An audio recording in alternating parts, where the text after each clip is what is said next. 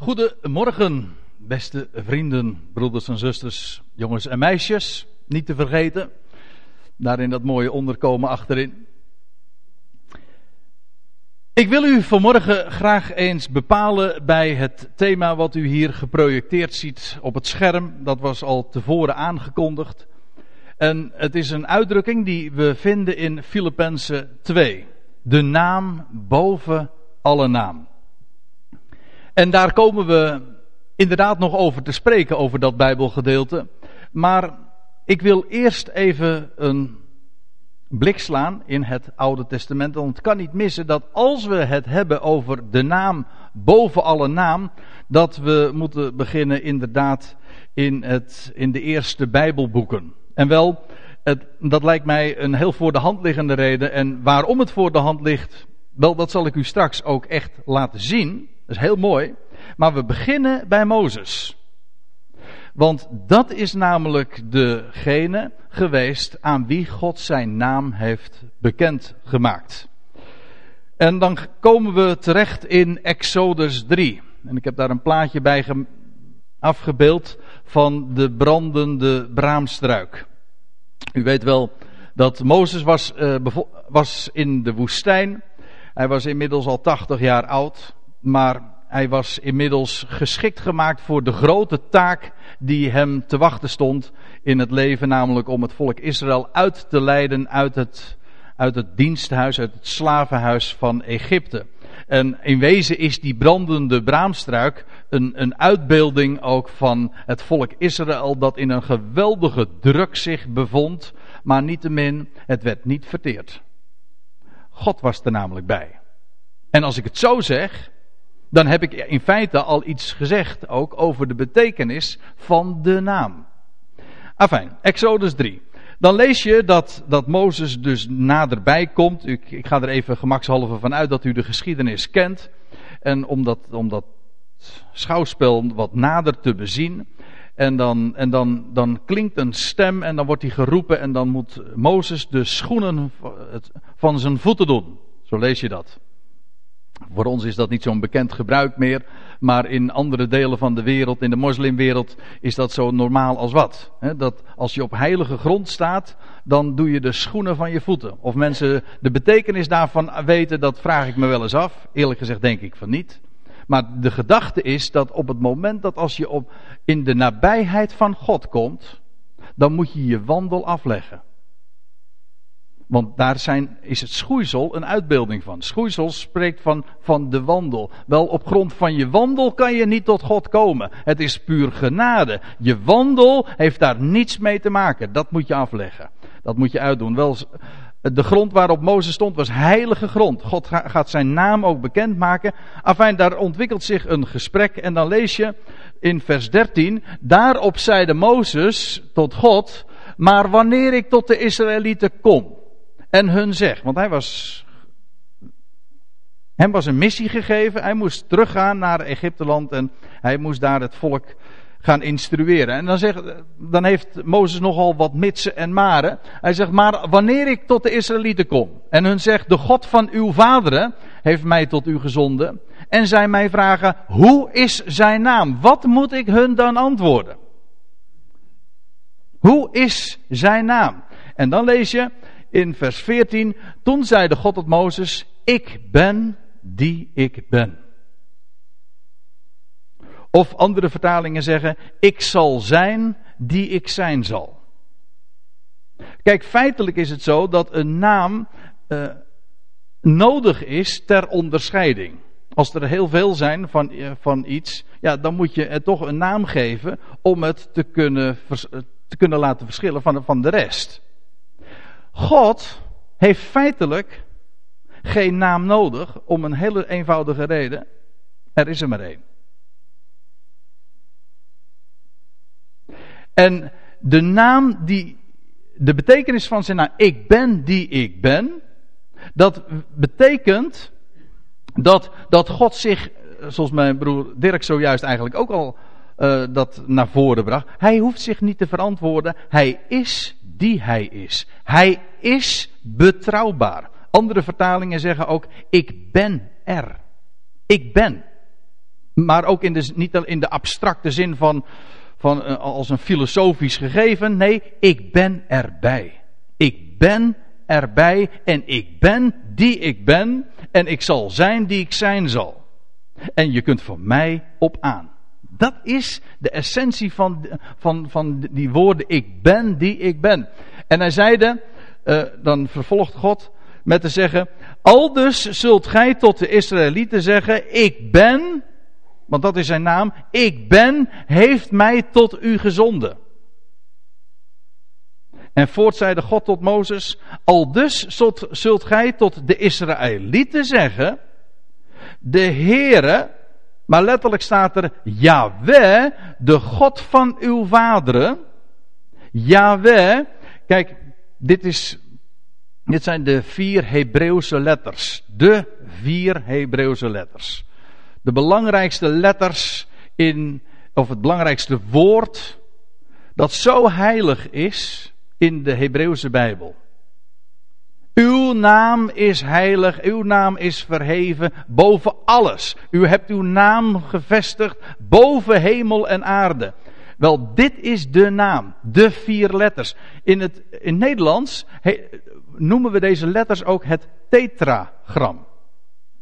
Een tetra betekent vier en gram heeft te maken, dat is uh, grammatica, heeft te maken met letters. Het zijn de vier, de vier letters. En over de uitspraak van die naam, ja, er is al heel veel te doen geweest. Meestal zegt men, het, betekent, het dient uitgesproken te worden als Yahweh. Maar uh, origineler is het vermoedelijk, en ik wil dat bij een andere gelegenheid graag nog eens een keertje uitleggen, is de uitspraak Jewe. En men zegt dan van ja, het Hebreeuws heeft geen, geen klinkers, maar de, ja, ik vind het toch wel erg grappig, dat eh, van oudsher, en dat is heel goed te verdedigen, dat het Hebreeuws wel degelijke klinkers had. Sterker nog, dat de naam van God uitsluitend uit klinkers bestond. Ik weet dat is vloeken in de kerk van, van degene die Hebreeuws spreken en, en, en dat gedoseerd hebben gekregen, maar dat de naam van God uit vier klinkers bestond. Het, is, uh, en ik, het was niet de eerste, de beste die dat trouwens ook naar voren bracht, want het was Flavius Josephus die dat ook al, al zei. Enfin, over de uitspraak wil ik het nu verder niet hebben. Of het Yahweh of Jewe is. Over een andere uitspraak zullen, wil ik straks nog even wat zeggen. Want uh, in elk geval, dat is de naam. Uh, de God van Abraham, de God van Isaac en Jacob heeft mij tot u gezonden. En dan staat er, dit is mijn naam voor eeuwig, voor de eeuw. Le Olam. Dit is mijn naam voor de eeuw. En zo wil ik aangeroepen worden van geslacht tot geslacht. En ik moet u zeggen, het is toch wel heel eigenaardig wat er aan de hand is met die naam. Dat we nu niet meer weten hoe die naam uitgesproken moet worden, terwijl God zo uitdrukkelijk had gezegd, zo wil ik aangeroepen worden. Waarom? Dat is mijn naam van geslacht tot geslacht. Dat wil zeggen van generatie op generatie. De traditie, en dat is begonnen al bij het Jodendom, de Joodse traditie zegt, de naam is te heilig om uit te spreken. En daarom, als men dan de naam tegenkomt in de Hebreeuwse Bijbel, en die komt maar liefst uh, meer dan 6500 keer voor, als men de naam tegenkomt, dan zegt men niet Yahweh, dat mag men niet zeggen, want die naam is te heilig. Dan zegt men Adonai. Maar Adonai betekent Heer. Is niet echt de naam. Of men spreekt over Hashem. Maar Hashem betekent de naam. Het, is allemaal, het zijn allemaal pogingen om in elk geval de naam niet uit te, te spreken. En, en begrijp me goed, ik heb het niet over intenties. Want de intentie is dat men niet dat men zoveel respect heeft voor de naam dat men hem niet uitspreekt. Maar als je dan toch de woorden leest zoals God dat zegt tegen Mozes, dat is mijn naam. En zo wil ik aangeroepen worden, dat daar over die naam, dat daar zo een waas is gelegd. Stel, zo sterk dat men niet, niet eens meer weet met zekerheid te stellen hoe die naam uitgesproken moet worden. En dat men ook allerlei klinkerstekens aan heeft moeten toevoegen, de, de overlevering. Hè. De Masora betekent trouwens ook de overlevering. Maar die hebben klinkertekens moeten toevoegen om, om überhaupt nog te weten hoe het uitgesproken moet worden. En als we het weten, dan mag het niet uitgesproken worden. En maakt men ervan Adonai. Maar in feite doen wij dat ook nog steeds hoor. Weet u dat? Want ook in onze vertalingen is het nog steeds, of je nou de Statenvertaling hebt, of de MBG-vertaling, of de MBV, het is heren. En dan kan de, de, aantal letters maakt dan nog wel verschil. Het is heren, of uh, heren met één E, of in de MBV is het heer. Maar het is allemaal dezelfde gedachte. En dat komt in feite allemaal overeen met het oud-Joodse gebruik, uh, namelijk om de naam te vervangen met Adonai. Maar Adonai betekent ook heer zodat wij ook de naam van God niet meer uitspreken. Maar we hebben het vervangen door een ander woord, door Heer. Maar dat is niet een naam. Een naam hoor je niet te vertalen. Dat een naam in een, e, de ene taal iets anders klinkt dan in een andere taal, oké. maar een naam. Uh, heer is namelijk geen naam, maar een titel. Namelijk iemand die staat boven anderen. Maar Adonai is gewoon iets anders. En de, het is in de, in de Bijbel trouwens ook heel frappant dat, dat je nog wel eens een keertje de uitdrukking tegenkomt dat er staat Heere, Heere. Daar staat er letterlijk in het Hebreeuws Adonai Yahweh. En dan krijg, en dan krijg je, en ja, dan, als het gelezen wordt, dan krijg je de uitspraak Heere, Heere. En dan denk je als luisteraar, als, als simpele ziel van, oh, daar staat twee keer hetzelfde. Maar het is niet zo. Dat is één keer een titel, Heer, Adonai, en vervolgens de naam, Yahweh, of Yahweh. Waarbij trouwens de Joodse traditie ook nog de naam, de klinkers van Adonai, de A, de O en de A, die werden ingelezen vervolgens in de godsnaam. En vandaar kreeg je de uitspraak van deze naam, Yahweh, werd Jehovah. En Vervolgens werd dat uh, Jehovah. Maar dat is een, dat is een uh, zo goed als zeker uh, onjuiste uitspraak van de naam. Ik, ik herhaal nog eens, daar gaat het me nu vanmorgen niet eens zozeer om. Ik wil jullie alleen even zo in, in, in een paar zinnen, eventjes in een paar minuten vertellen hoe dat zo gegaan is met de naam. Maar die naam is weggemoffeld. Er is één, één groepering die daar altijd een groot punt van gemaakt heeft. En u weet wat ik nu ga zeggen. Dat zijn de Jehovah's getuigen. En die zeggen van, die hebben daar de vinger bij de zere plek gelegd. En die zeggen van, hoor eens even, dat is niet juist. Afgezien van het feit trouwens dat zij zelf ook de naam niet correct uitspreken. Maar ze hebben helemaal gelijk dat de naam is weggemoffeld in onze vertalingen. En zij zeggen dat is niet zoals het zou moeten, want God had gezegd: dat is mijn naam en zo staat het, er staat Yahweh. Nou, dan hoort dat ook zo uitgesproken te worden. Afijn. Als we nou even verder gaan, in, dan komen we terecht in Exodus 6. Daar gaat Mozes weer terug naar de Sinaï. Want hij is naar het land Egypte gegaan. En het, eind van het liedje bleek te zijn dat, is, dat het volk van Israël het alleen maar zwaarder had gekregen in het Egypteland. Want toen eenmaal dat aan het licht was gekomen, dat Mozes van plan was uh, bij monden van God zelf, of nee, dat God zelf uh, zijn volk zou uitleiden en dat Mozes uh, dat ook aan de farao zo bekend heeft gemaakt. Wel, toen heeft de farao het, het, volk alleen maar zwaarder gemaakt, waardoor het volk alleen maar meer ging klagen en het Mozes ook buitengewoon kwalijk nam. Mozes die gaat met hangende pootjes weer terug naar de plaats waar hij God ooit ontmoet had. En dan lees je dat, dat Mozes zijn, zijn verhaal vertelt en dan, dan ook, ik breek nu weer even midden in dat gesprek en dan staat er, voorts sprak God tot Mozes en hij zeide tot hem, ik ben Yahweh. Ik lees het nou meteen maar gewoon goed. In onze vertalingen staat ik ben de Heer, maar staat letterlijk ik ben Yahweh. Ik ben aan Abraham, dat is een heel opmerkelijke tekst. Ik ben aan Abraham, Isaac en Jacob verschenen als God de Almachtige. Letterlijk staat er als El Shaddai. Kent u die, uh, die, die woorden? El Shaddai. Daar zijn ook prachtige liederen op gemaakt. U het liedje van Amy Grant? El Shaddai. Geweldig lied is dat. Ja. Ik ben aan God, aan, aan, aan Abraham, Isaac en Jacob verschenen als El Shaddai. Wat trouwens nog veel meer is dan alleen maar God de Almachtige. Daar zit ook, dat de echte betekenis van het woord is dat God algenoegzaam is. Hij voorziet in alles. Het woord Shaddai heeft zelfs nog te maken met de moederborst. Eh, het, het, het kind geven dat wat het nodig heeft. Schitterende associaties zijn dat. Maar zo heeft God zich aan Abraham, Isaac en Jacob bekendgemaakt als El Shaddai. En dan staat erbij, maar met mijn naam Yahweh ben ik hun niet bekend geweest. Dat is heel eigenaardig.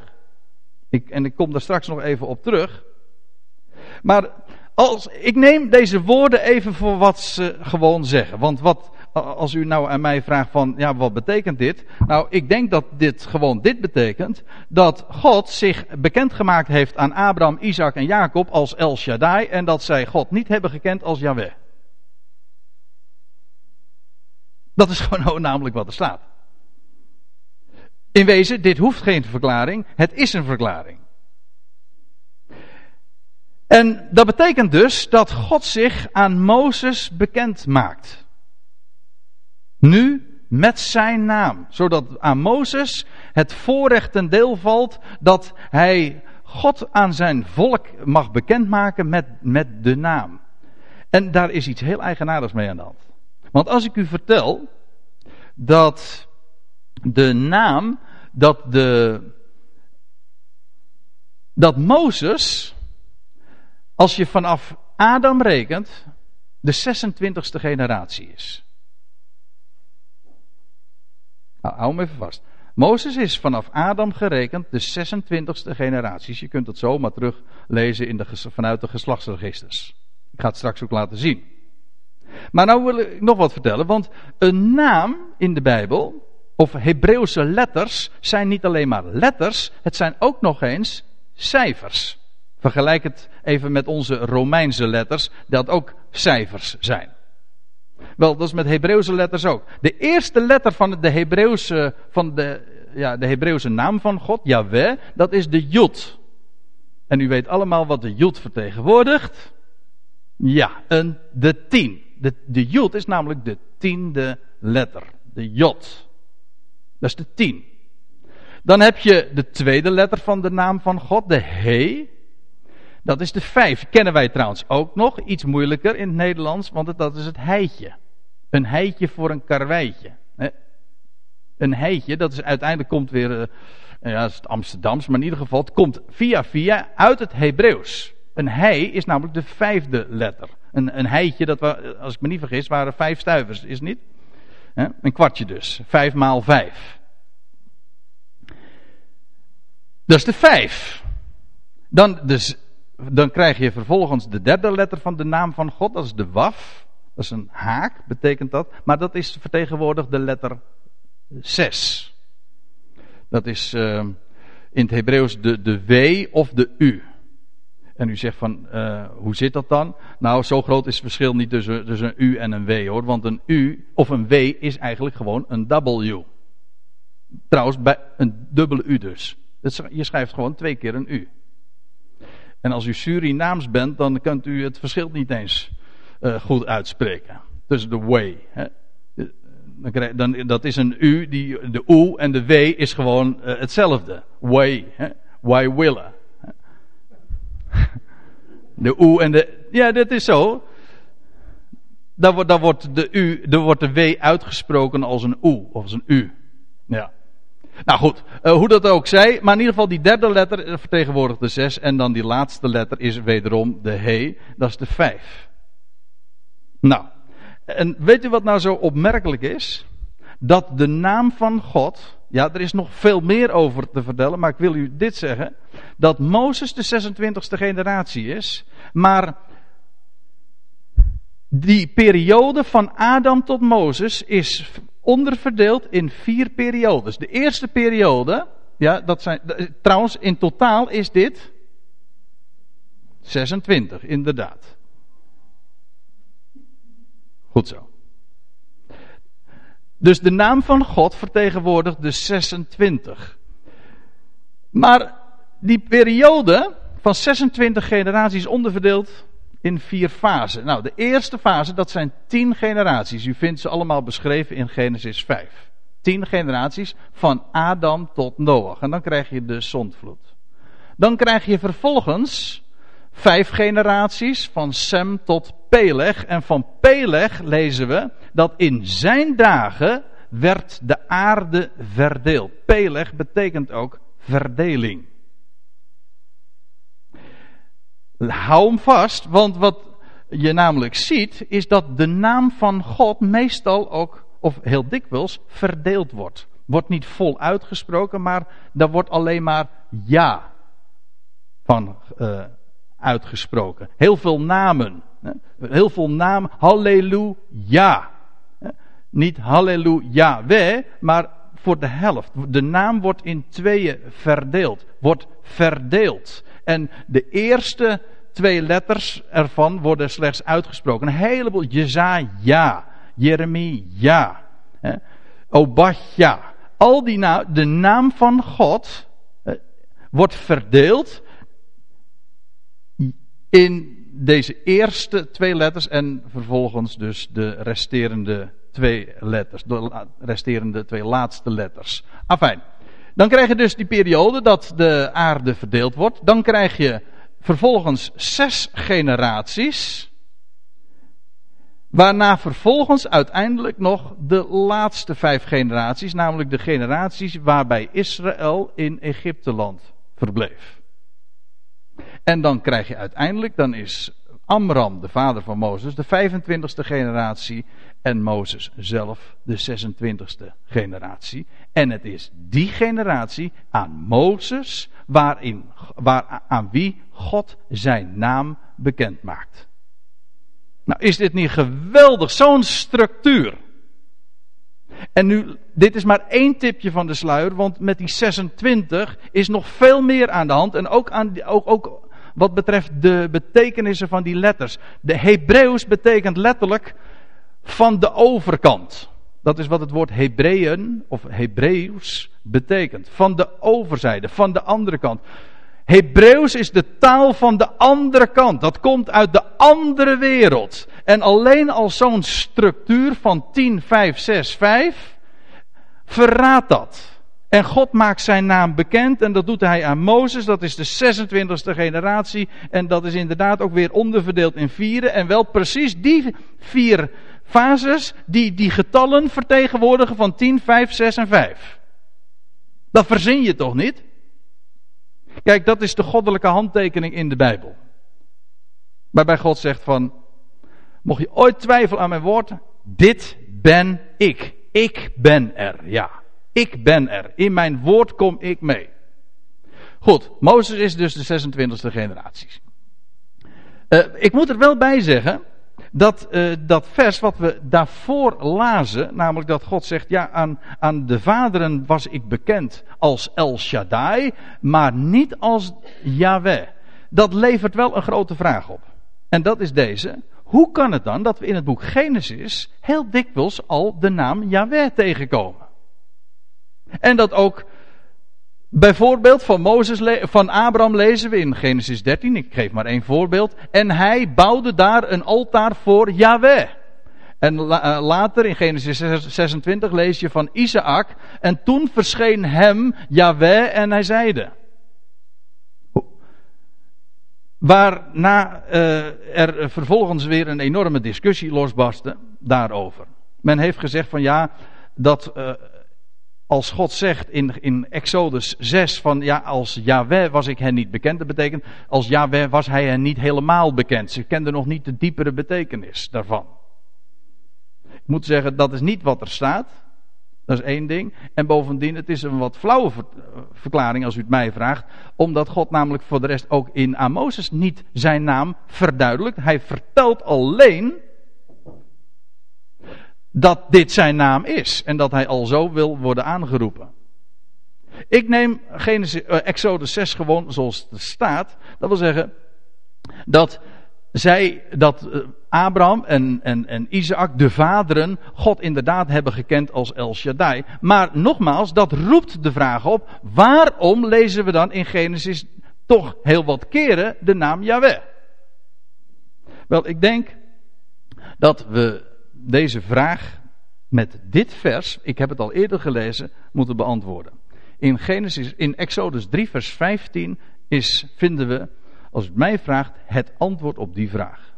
Daar lezen we namelijk dat God zei tot Mozes, al dus zult gij tot de, gij, Mozes, tot de Israëlieten zeggen, Jaweh, de God van uw vaderen, de God van Abraham, de God van Isaac, de God van Jacob, heeft mij tot u gezonden. Met andere woorden, ook al kende zij niet mijn naam, hij, ik ben dezelfde als de God van jouw vaderen. Yahweh, de God van uw vader. De, de vaderen kenden die naam als zodanig niet, maar neemt niet weg, het is dezelfde God. En wat Mozes aan zijn volk moest bekendmaken, dat Yahweh dezelfde is als de God van zijn vaderen. Of, en van hun vaderen. Dat moest hij, dat was ook in wezen een, een van de grote missies die hij had ten behoeve van zijn volk. Hij, Mozes moest vertellen van, ik ben door God gezonden. Namelijk de God van jullie vader. En wie is die God van jullie vader? Dat is Yahweh. Ook al kenden zij mij onder een andere naam, namelijk als El Shaddai. El, de Algenoegzame, de Almachtige. Dus, uh, even een voorlopige conclusie. Uh, Mozes moest aan Israël duidelijk maken dat Yahweh de God van hun vaderen is. En vervolgens, Mozes, want u weet het hè, we hebben het daar dit jaar al heel wat keren over gehad, hoe dat uh, is gegaan met de totstandkoming van het boek Genesis. Genesis is geschreven door de aartsvader zelf. Te beginnen bij Adam en, en Noach en, en Sem, Gam en Javed, daar hebben we de laatste keer nog over gehad. Zij hebben die documenten allemaal opgetekend. En uiteindelijk is het in handen gekomen van Mozes en hij is de redacteur geweest. Hij heeft de boeken, de documenten bij elkaar gebracht, wellicht ook soms vertaald. En in elk geval ze geredigeerd. En hij heeft de naam Yahweh als redacteur later toegevoegd. Om aan te geven dat de God van de vaderen dezelfde is als de God van Israël, namelijk Yahweh. Dat was Mozes' missie. En als redacteur van het boek Genesis, want eh, Genesis wordt toegeschreven aan, aan Mozes, dat klopt ook. Hij is namelijk niet de schrijver, maar wel de redacteur geweest. Hij heeft het allemaal bewerkt en, en bij elkaar gebracht. En als ik dat in Exodus 6 lees, dat, dat Abraham, Isaac en Jacob de naam van Yahweh niet zo kenden, dan betekent dat dat, dat later Mozes deze naam heeft toegevoegd. Om daarmee aan te geven dat de Yahweh de God van hun vader is.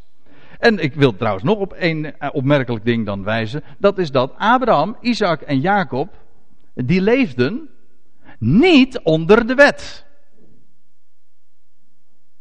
En als u dat uitgelegd wil hebben, dan moet u dat in, in, Galaten 3 nog eens nalezen. Dat Abraham, uh, die kreeg de belofte 430 jaar voordat uh, op Sinaï aan het volk van Israël de stenen tafelen en de wet gegeven werd. Zij leefde, zij leefde onder de belofte. Zij hadden de belofte van God gekregen. Ik, gij zult een groot volk worden en gij zult dit land van mij ontvangen. Allemaal belofte. Zij, kende de, zij leefde niet onder de wet. Maar wat, wat ik nou zo opmerkelijk vind, deze Abraham, Isaac en Jacob, die niet onder de wet leefden, die kenden de naam van Yahweh al zodanig niet. En ik zeg het eventjes erbij, omdat het feitelijk parallel loopt met onze situatie. Want gek genoeg, want in het Nieuwe Testament komt de naam Yahweh ook niet voor. Ik heb een hele tijd uh, mag ik wel zeggen, een aantal keren uh, kwamen bij mij Jehovah's getuigen aan de deur. En dat is trouwens mede ook de aanleiding voor deze, voor deze studie. Want toen hebben we er uitgebreid over gehad. Het ging over, het ging, uh, ik had een gesprek, iedere keer weer, met iemand die trouwens heel goed wist waar hij het over had. Kan niet anders zeggen. Maar hij, ja, dat heb ik hem dus ook voorgeworpen. Ik zeg, hoe verklaar jij dat de naam Yahweh nergens in het Nieuwe Testament voorkomt? Hij komt er trouwens wel voor hoor. Maar op een verborgen manier. Daar ga ik het straks over hebben. Maar de situatie is identiek met de situatie voor Mozes. Voor Mozes, de vader kende de naam Yahweh evenmin. Pas in de 26e generatie aan Mozes heeft, eh, heeft, uh, is dit bekendgemaakt. Goed. We gaan naar Filippenzen 2. Want daar wilde ik uiteindelijk naartoe. En dat wil ik u nu ook eens voorlezen, want daar vinden we die, die bekende uitdrukking waar ik uh, de titel van deze studie ook aan heb ontleend. Filippenzen 2. En ik, ik kom midden in het gedeelte, in Filippenzen 2 vers 8. Daar begin ik. Het is een machtige passage. Waar gesproken wordt over hij die in de, kent u het? Hij die in de gestalte gods was en het geen roof geacht heeft God gelijk te zijn. Hij heeft zichzelf vernietigd en de gestalte van een slaaf aangenomen. Afijn. En dan lees je in vers 8. En hij, dan gaat het over de Heer Jezus Christus. Jezus, moet ik zeggen. Hier op aarde. Hij heeft zich vernederd. Staat er. Hij heeft zich vernederd en is gehoorzaam geworden tot de dood. Ja, tot de dood van het kruis. En dat is het eindpunt van de vernedering. Dieper kan namelijk niet. Hij was de gestalte Gods. Je zou dat ook die versen daarvoor erbij moeten betrekken om het helemaal te begrijpen. Maar dan lees je, hij was de gestalte Gods. Hij die in de hoogste hoogte zich bevond, hij heeft zich vernederd tot de diepste diepte. Hij, heeft, hij is gehoorzaam geworden tot de dood. Ja, tot de dood van het kruis. Dat was zijn de ultieme vernedering. En dan lees je in vers 9. Daarom heeft God hem ook uitermate, dat wil zeggen tot de uiterste maat, hoger kon namelijk niet, tot de uiterste maat verhoogd. En vervolgens staat er in, vers, in datzelfde vers, en hem de naam boven alle naam geschonken. De naam boven alle naam geschonken. Welke naam is dat? Ja. Dat is, ik, als ik u dan toch een advies mag hebben, en dat bedoel ik helemaal niet lelijk naar deze groepering, want gek genoeg, die getuigen, ondanks het feit dat ik uh, van mening ben dat ze in een afschuwelijk uh, systeem zich bevinden waarbij ze totaal niet de vrijheid hebben om zelf de Bijbel te, lezen, moet ik u zeggen dat ze, u, dat ze ge, gewoon heen de christenheid attent maken op een heleboel misverstanden en dwalingen. En voel ik ook in die zin heel vaak toch connectie en, en affiniteit met hen. Jehovah's getuigen die weten, laat ik dan toch eens even een paar mooie dingen vertellen. Die weten dat de hel niet bestaat, maar ze zeggen van er staat Gehenna. Ze hebben helemaal gelijk. En ze zeggen van ja, de ziel, dat is, uh, de mens heeft geen ziel, de mens is een ziel. En als een mens doodgaat, dan gaat hij echt dood. Uh, Jehovah's getuigen zeggen van de drie eenheid staat niet in de Bijbel. Kijk het maar na. En moet je opmerken moet je ze eh, opmerken dat wanneer zij aan de deur komen, meestal wordt natuurlijk de deur gewoon weer voor hun snuffert uh, dicht gedaan, zodat een gesprek sowieso niet mogelijk is. Maar dat is ook vaak angst. Gemakzucht ook, maar ook angst. Want als een de doorsnee christen, kerkmens, een gesprek aangaat met de Jehovah's getuigen, dan kan ik u dit verzekeren, ze verliezen op alle fronten. En worden ze in vijf minuten ingepakt. Dat klinkt uh, misschien uh, wat overdreven, maar het is echt zo. Want ze, zij als zij zeggen van, u gelooft de Bijbel? Nou, hier. U, u zegt de drie eenheid is zo belangrijk. Het is de belangrijkste leerstelling. Waar staat het in de Bijbel? Uh, kunt u het me uitleggen wat het betekent? Nee, dat weet helemaal niemand. Zelfs de paus kan niet uitleggen wat de drie eenheid betekent. nee, dat heeft hij zelf gezegd. Dus ja, dat vind ik altijd zo leuk. Hij weet niet wat het betekent. Maar het is het allerbelangrijkste. En waar staat het dan? Ja, dat, dat, staat, dat staat ook nergens in de Bijbel. Nou ja, hoe dan ook. uh, dat, dat, wil ik dan toch even gezegd hebben over Jehovah's getuigen. Maar als u ze dan aan de deur krijgt, dan moet u ze aan, aan ze vragen van, wie denkt u? Nee, u moet zo, oh, zo beginnen. Nou, u moet niks, maar kan ik u zomaar een tip geven. Hè? Wat is de naam boven alle naam? Geheid dat ze zullen zeggen, Jehovah zegt, dat is Jehovah. Of nou, we, dan vallen we even niet over de uitspraak. Yahweh of Jehovah. Aha. Dan moet u eens vragen vervolgens, aan wie is die naam gegeven? En dan moet u naar Filippenzen 2 gaan. De naam boven alle naam, dat is inderdaad Yahweh. Maar aan wie is die naam geschonken? Wel, dat staat hier eh, in pontificaal.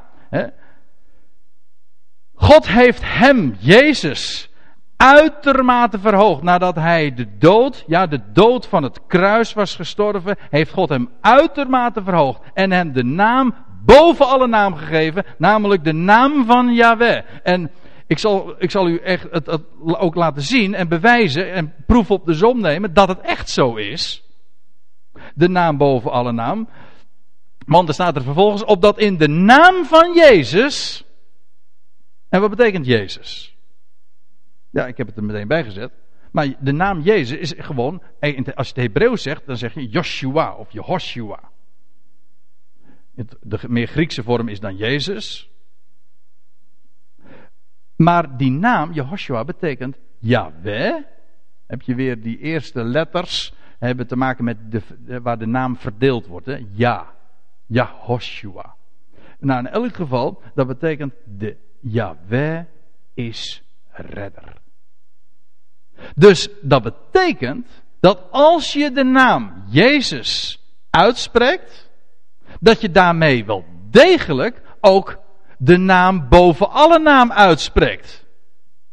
Want Jezus is namelijk de naam boven alle naam. En zelfs, nog, zelfs met nog informatie erbij. Namelijk dat Yahweh redder is. Dat is wat, Yahweh, wat de naam Jezus betekent. Opdat in de naam van Jezus zich alle knie zou buigen van hen die in de hemel en die op de aarde en die onder de aarde zijn. En alle tong zou, beleiden, Jezus Christus is Heer. En dan staat erbij, tot eer van God de Vader. Ja, ik weet niet waar, in, in welke richting het gesprek dan vervolgens zich zal gaan ontwikkelen, want dan kun je verschillende kanten mee op natuurlijk. Dan kun je het gaan hebben over de naam boven alle naam. Je kunt ook eh, gaan hebben over wat hier staat. Als, als dat geweldige slotakkoord van al Gods heilshandelen. Want daar blijven ze natuurlijk, daar blijft, maar daar blijft iedereen op steken. En, want niemand kan hier aan, hier niemand, uh, ja, vanuit de traditie kun je dit niet geloven. Wat hier staat. Dan zeggen ze, ja, dat zal onder dwang gebeuren. Dan moeten de knieën zich buigen. En dan zullen ze gewoon gedwongen worden. Hè? De, de, al, maar er staat niet alle lip zal dat zeggen. Het is geen lippenbeleidenis. Nee, alle tong zal dat zeggen van de tong en de lip, dat is in de Bijbel. Als het lippendienst is, dan is het de buitenkant. Maar de tong die zit van binnen. Als de, als de tong iets zegt, dan komt het van binnenuit. En alle tong zal beleiden. En dat woord beleiden betekent trouwens letterlijk ook als je dat in het Grieks uh, ziet. Het betekent, er staat het woordje ex voor. En dat ex betekent, dat weet u hè, van binnenuit. En alle tong zal van binnenuit beleiden. Jezus Christus is Heer tot eer van God de Vader. Ja, want God zal juist in de naam van Jezus een vader blijken te zijn van het ganse mensdom. Van alle knie die gaat buigen. En alle tong zal tot die erkenning komen. En eh, in de zangdienst is al eventjes naar voren gebracht van ja, dat wij dat nu al mogen doen. Dat wij nu al onze knieën buigen en dat onze tong nu al zegt: Jezus, Hij is Heer. Er komt een moment dat iedereen het zal weten en sterker nog, het van harte zal erkennen. En dat zal maar niet zijn uit dwang, nee, het ze zullen dat doen tot eer van God de Vader. Alsjeblieft.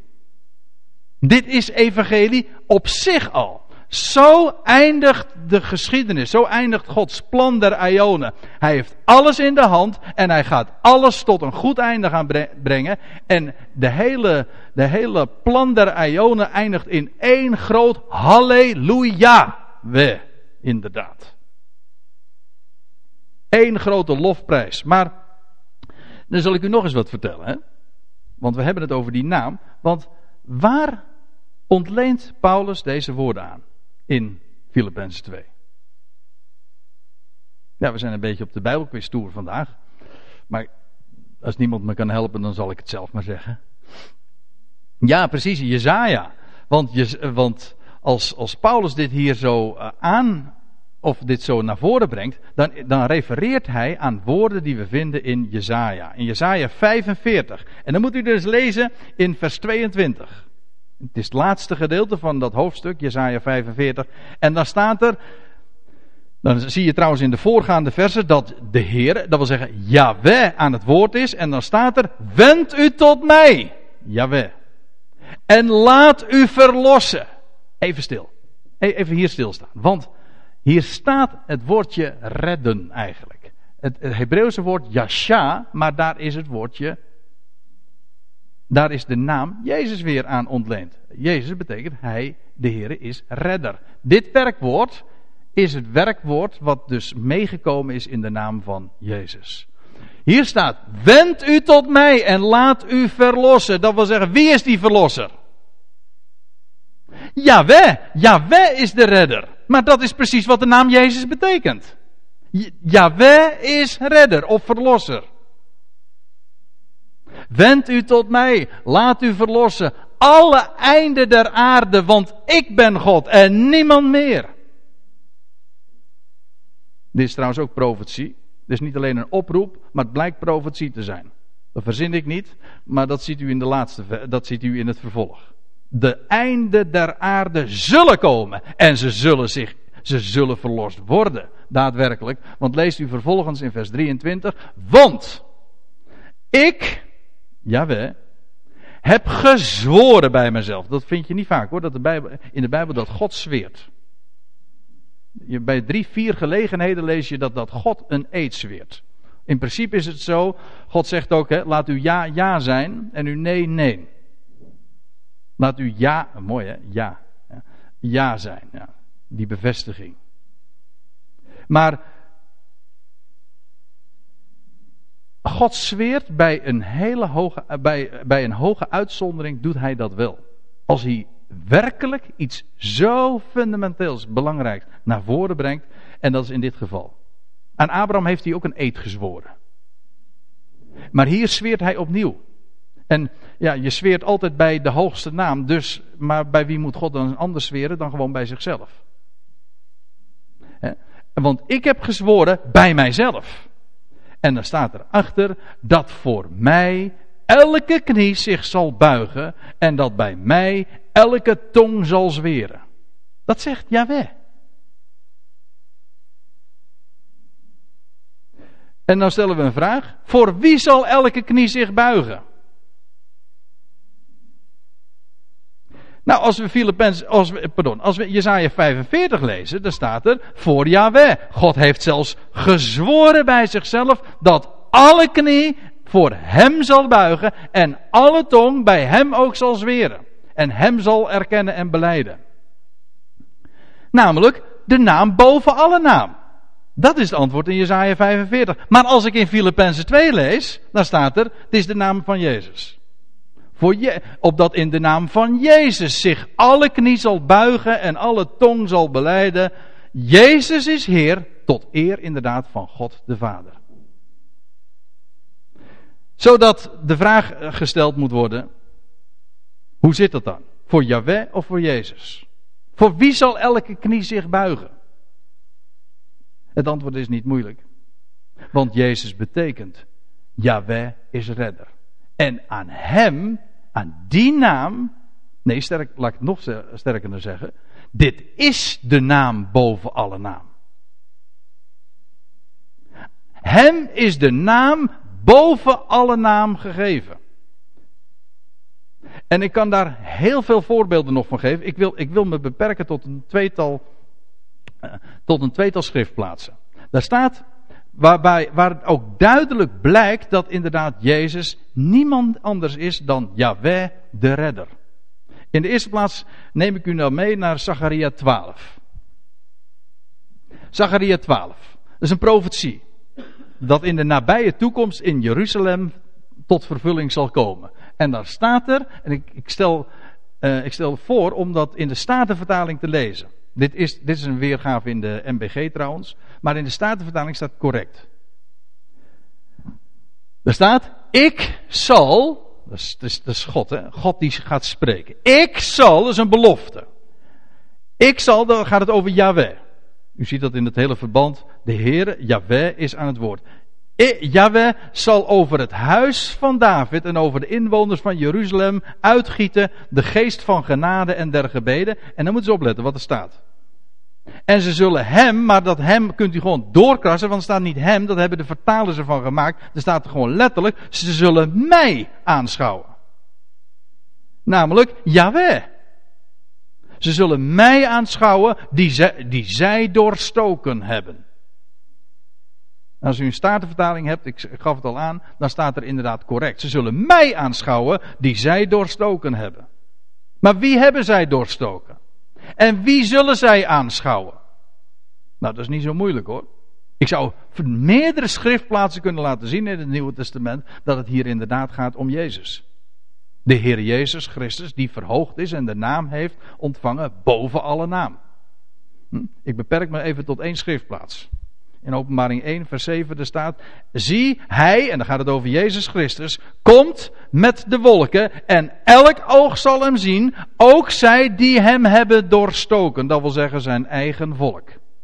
Zijn eigen broeders naar het vlees, die hem hebben verkocht.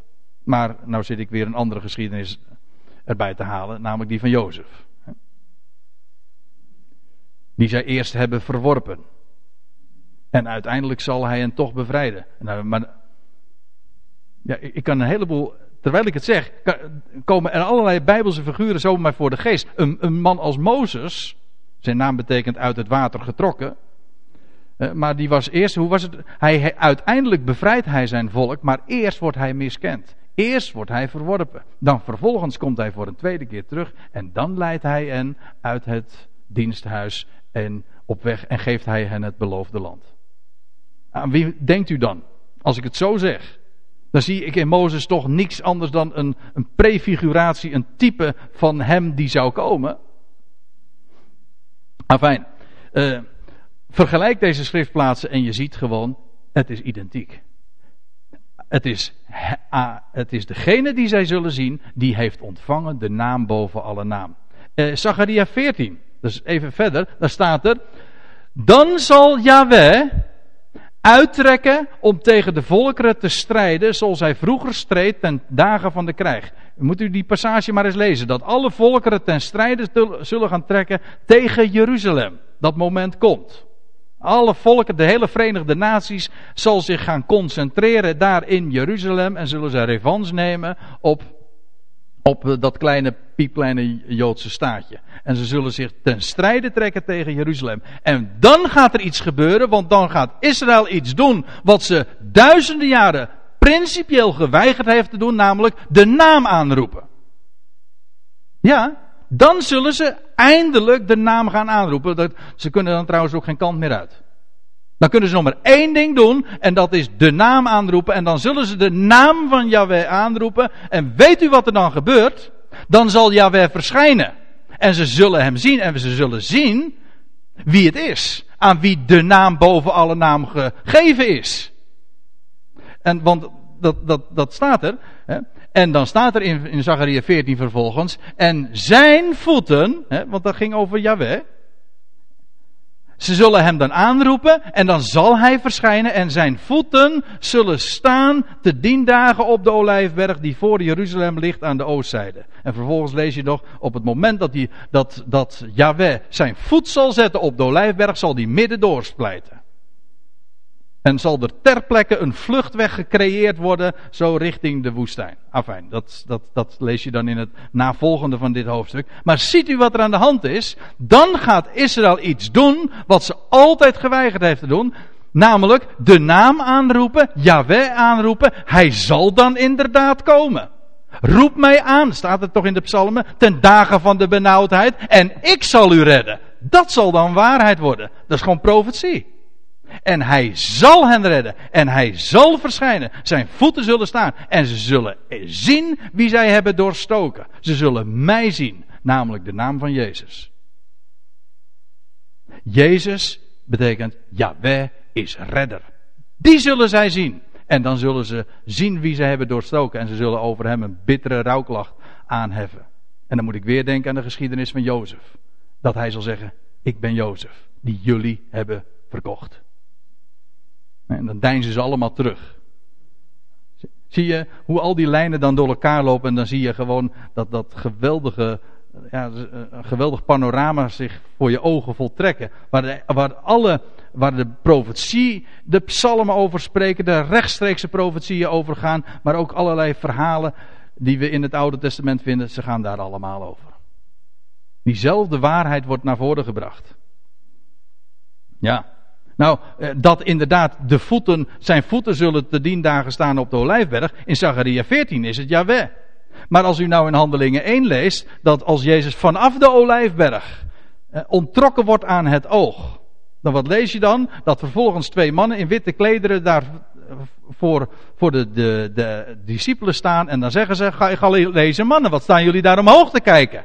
En dan zeggen ze, deze Jezus, ja, wij is redder, die van u opgenomen is naar de hemel, zal op dezelfde wijze en zelfs op dezelfde locatie, als gij hem uh, wederkomen, als gij hem ten hemel hebt zien varen. Dezezelfde Jezus. En op dezelfde wijze. En zelfs op dezelfde plaats. En zijn voeten zullen staan op de olijfberg. Ja, en dus de vraag is, wie zal Israël straks zien? Nou, Zachariah 12 zegt, dat is Yahweh. Maar openbaring 1 zegt, over exact hetzelfde handelend, is Jezus. En als we Zachariah 14 lezen, dan gaat het over Yahweh, zijn voeten zullen staan op de Olijfberg. Maar als we handelingen 1 lezen, dan gaat het over Jezus, die op dezelfde wijze zal terugkeren als dat hij ten hemel voert en zijn voeten zullen staan op de Olijfberg. Is dat een tegenstelling? Nee. Ik hoop dat in elk geval in dit uur naar voren, uh, duidelijk gemaakt te hebben en, en, goed naar voren gebracht hebben. Dat, dit u, dat u dit in elk geval onthoudt. Dat Jezus betekent, Yahweh is redder. En aan hem is de naam boven alle naam gegeven. Hij is de openbaring van God. En daarmee wil ik ook uh, afsluiten. Ja, ik zou kunnen afsluiten met een woord uit, uit, uit de Colossensebrief dat, waar, waar Paulus naar voren brengt dat hij, de Heer Jezus Christus, het beeld is, de, het icoon is van, van God. De eerstgeborene van elk schepsel. Maar ik, wil, maar ik eh, doe het met de woorden van uh, Johannes 1. Daar staat, niemand heeft ooit God gezien. De enige geboren zoon die aan de boezem des vaders is, nu, die heeft hem doen kennen. Nooit is God gezien. In de absolute zin, want hij is namelijk de onzienlijke God. Als hij zich bekend maakt, dan doet hij dat via zijn gestalte, zijn beeld. En nu, sinds de opstanding van de Heer Jezus Christus, doet hij dat door middel van een mens die ooit de diepste diepte is ingegaan. De dood, ja, de dood van het kruis. Maar juist op deze wijze gaat hij de hele schepping redden. En redden betekent ook tot erkenning brengen van de naam boven alle naam. Tot eer van God de Vader. Hij maakt God bekend. Hij maakt God zichtbaar. Hij die aan, nu aan de boezem des Vaders is, hij heeft hem doen kennen. En vandaar dat we gewoon een is gelijkteken kunnen zetten. Jezus is inderdaad het beeld, de openbaring van de onzienlijke God. Jezus betekent, Yahweh is redder. Ik stel voor dat we daar een mooi lied over gaan zingen.